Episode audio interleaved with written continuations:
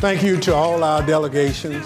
I'm pleased to announce that Vice President Joe Biden has officially been nominated by the Democratic Party as our candidate for President of the United States. It's morning again in America. Good morning, folks. Please, please.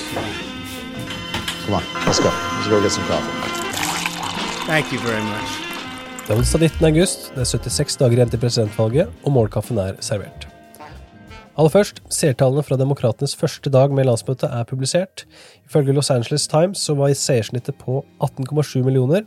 Det er en merkbar nedgang fra de 25,9 millionene som fulgte med under åpningsdagen i 2016. Dagens hovedsak er imidlertid dag to av demokratenes eh, landsmøte. Aller først kan man si at dersom du støtter oss på patrion.com ampol, så kan du høre en lengre gjennomgang av dag én, vi kommer til å publisere daglige oppdateringer fra landsmøtet, der vi snakker om hva som har skjedd. Her er kortversjonen.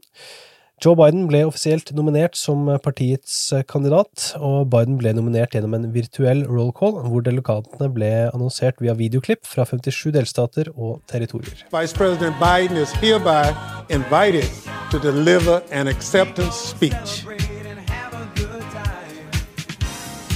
Well, thank you very, very much from the bottom of my heart. Thank you all. It means the world to me and my family. And I'll see you on Thursday.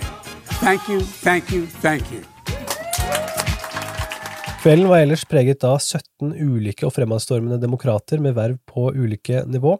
I tillegg så kom det taler fra senatets minoritetsleder Chuck Schumer, representant Alexandra Ocasio-Cortez, tidligere utenriksminister og 2004-presidentkandidat John Kerry, samt bidrag fra Bill Clinton og Jimmy Carter. Kvelden ble rundet av med en tale fra Jill Biden. Dagens andre sak, postverket fredes til etter valget. Tirsdag kom det en oppdatering fra Postmaster General Louis DeJoy angående den anspente situasjonen rundt USPS sin kapasitet før høstens valg. DeJoy understreket blant annet at større operasjonelle endringer og kostnadskutt vil bli satt på vent til etter valget. Dette skal gjøres for å unngå at det skapes et inntrykk av et postsystem som på noen som helst måte påvirker valget på negativ måte. Før denne oppdateringen kom, hadde DeJoy allerede blitt kalt inn for å vitne overfor Senatet og Huset senere i uken. I slutten av juli så meldte USPS fra til 46 delstater, i tillegg til Washington DC, om at Postverket ikke kunne garantere at poststemmer ville komme fram tidsnok til å bli med i opptellingen.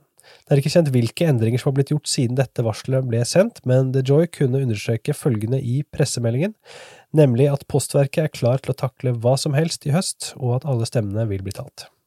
Dagens tredje og siste sak. I sitt hittil siste angrep på Joe Biden så har Trump-kampanjen nå sluppet en reklamesnutt som trekker den tidligere visepresidentens mentale kapasitet i tvil. What Happened to Joe Biden vil dominere reklameplassen på YouTube parallelt med demokratenes fire dager lange landsmøte. Ifølge Axis så skal dette koste Trump-kampanjen et drøyt syvsifret beløp med dollar, og tidligere under kampanjen så skal visstnok flere av Trumps rådgivere ha vært tilbakeholdne til å angripe Bidens mentale helse, da de fryktet at dette potensielt kunne skade oppslutningen blant eldre velgere. Denne kursen har imidlertid ikke blitt fulgt. Dagens utgave av Morgenkaffen er servert av Henrik Skotte og undertegnede Are Togflaten.